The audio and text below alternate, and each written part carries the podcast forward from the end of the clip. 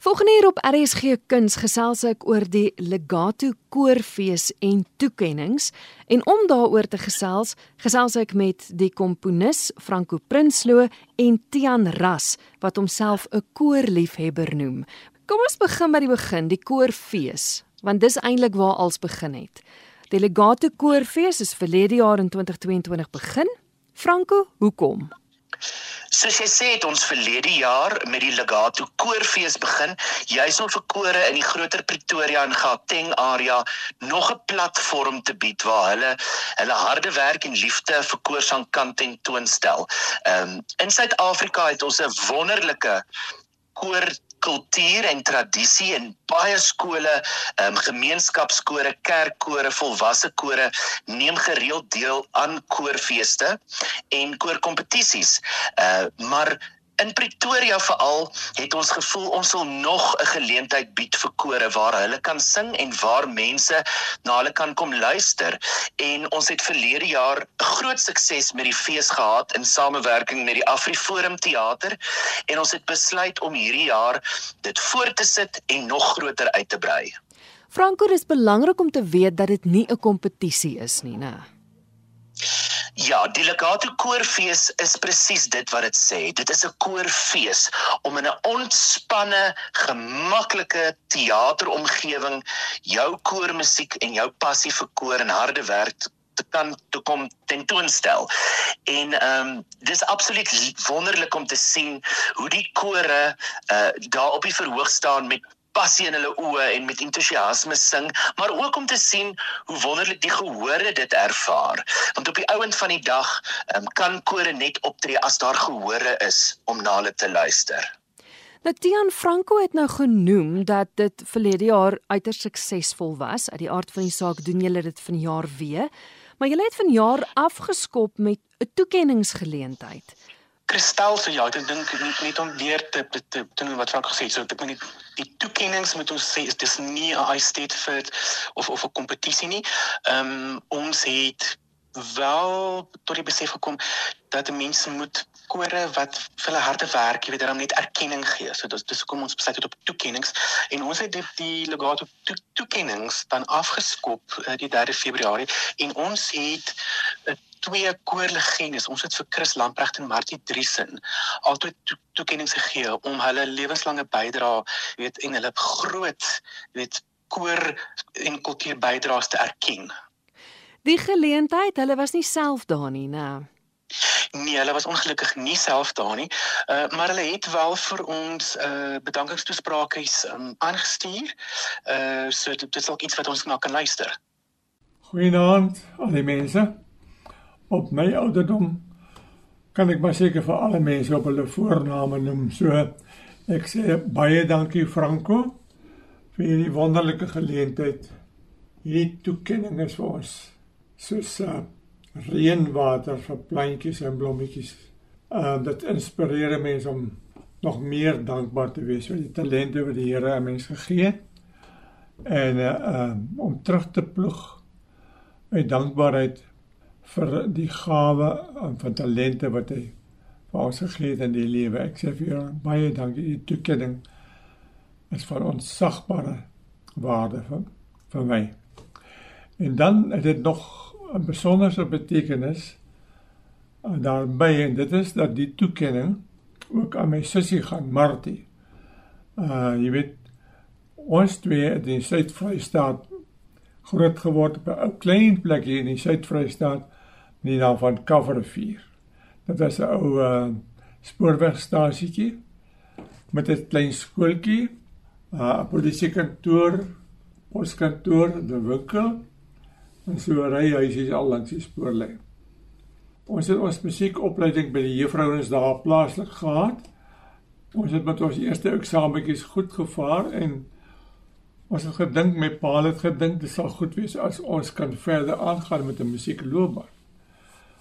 Nou toe ons nou op Stellenbosch studeer het, toe het ons almal onafhanklik van mekaar begin komponeer. Sy het haar tekste gebruik, ek myne.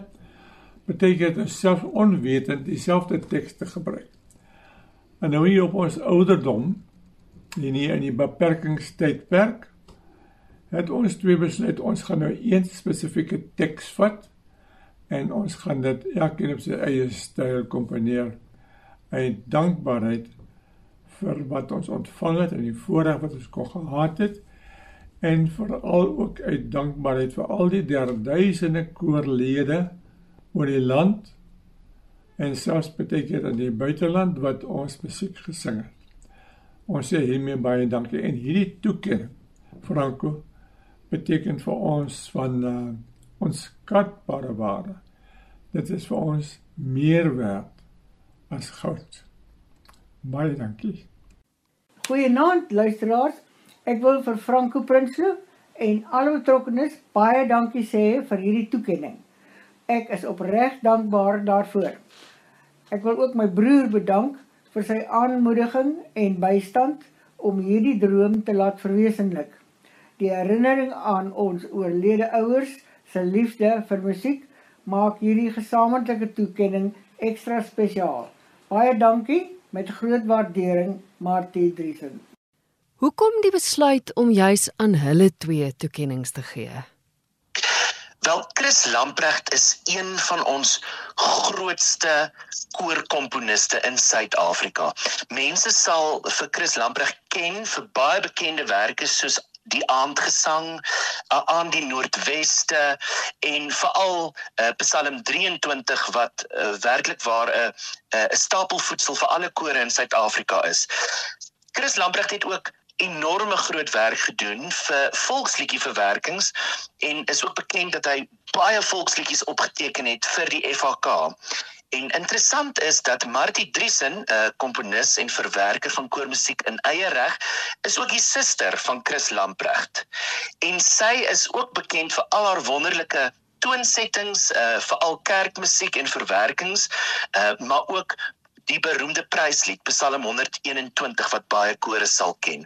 So twee legendes in die koor kringe en twee komponiste wat werklik ware groot impak op Afrikaanse koormusiek en die Suid-Afrikaanse koorlandskap gemaak het. Kom ons kyk na vanjaar se fees, die Legato Koorfees. Wanneer vind dit plaas? Christel, dit is baie opwindend. Ehm um, daar is hierdie jaar meer as 70 kore wat deelneem aan die fees. En die fees vind plaas deur die loop van die jaar en ons word weer ehm um, ons doen dit weer in samewerking met die AfriForum Theater. Ek is baie opgewonde om te sê dat daar sommer vroeg al in die jaar drie konserte plaasvind. Die eerste is die 10de Maart en dan die 12de Maart en dan nog 'n konsert die 14de April in die AfriForum Theater. Wonderlike kore wat gaan deelneem aan die koorfees, hoërskoolkore, gemeenskapskore, semi-professionele kore en waar ek die mees opgewonde is, is die kindertjies, die klein kore, die junior kore en die graad R kore, want om dit te sien is net 'n absolute lewensvreugde. Hoe maak kore om deel van die fees te wees? Kore is almal welkom om ons te kontak om deel van die fees te raak. Ehm um, die beste is om vir ons 'n e-pos te skryf en dit is info@legatochoralfestival.com. Jy het nou vir ons die datums gegee van die drie eerste konserte wat plaasvind, maar hoe gaan luisteraars weet deur die loop van die jaar wanneer watter kore optree? Die wonderlike ding is dat vandag met sosiale media 'n mens sommer maklik inligting kan kry oor konserte. Um, op Facebook het ons 'n uh, blad waar mense kan gaan kyk wanneer konserte plaasvind en hulle is welkom om ons ook deur die Facebook blad te kontak en dan het ons ook 'n uh, Instagram blad uh, waar ons lieflike foto's en allerlei dinge deel en mense kan ons ook daardeur kontak. So op ons Facebook word die konserte geadverteer en ook op AfriForum Theater se webblad word die konserte geadverteer en mense kan ook daar kaartjies kry vir die konserte. En as daar onderwysers is wat luister, wat kore het, gemeenskapskore of volwasse kore wat graag wil deelneem aan die fees, is hulle welkom aan ons te skryf of deur ons e-pos of deur sosiale media. So dis deur die loop van die jaar Daar is 'n paneel wat dan die toekenninge gaan gee. Tiaan, wanneer vind vanjaar se toekenningsgeleentheid dan plaas? So die toekenningsgeleentheid is vanjaar is 15 September en dit is na afloop van die konsertseisoen en ons sal so deur die loop van die jaar bietjie later sal ons meer besonderhede verskaf oor die gala geleentheid.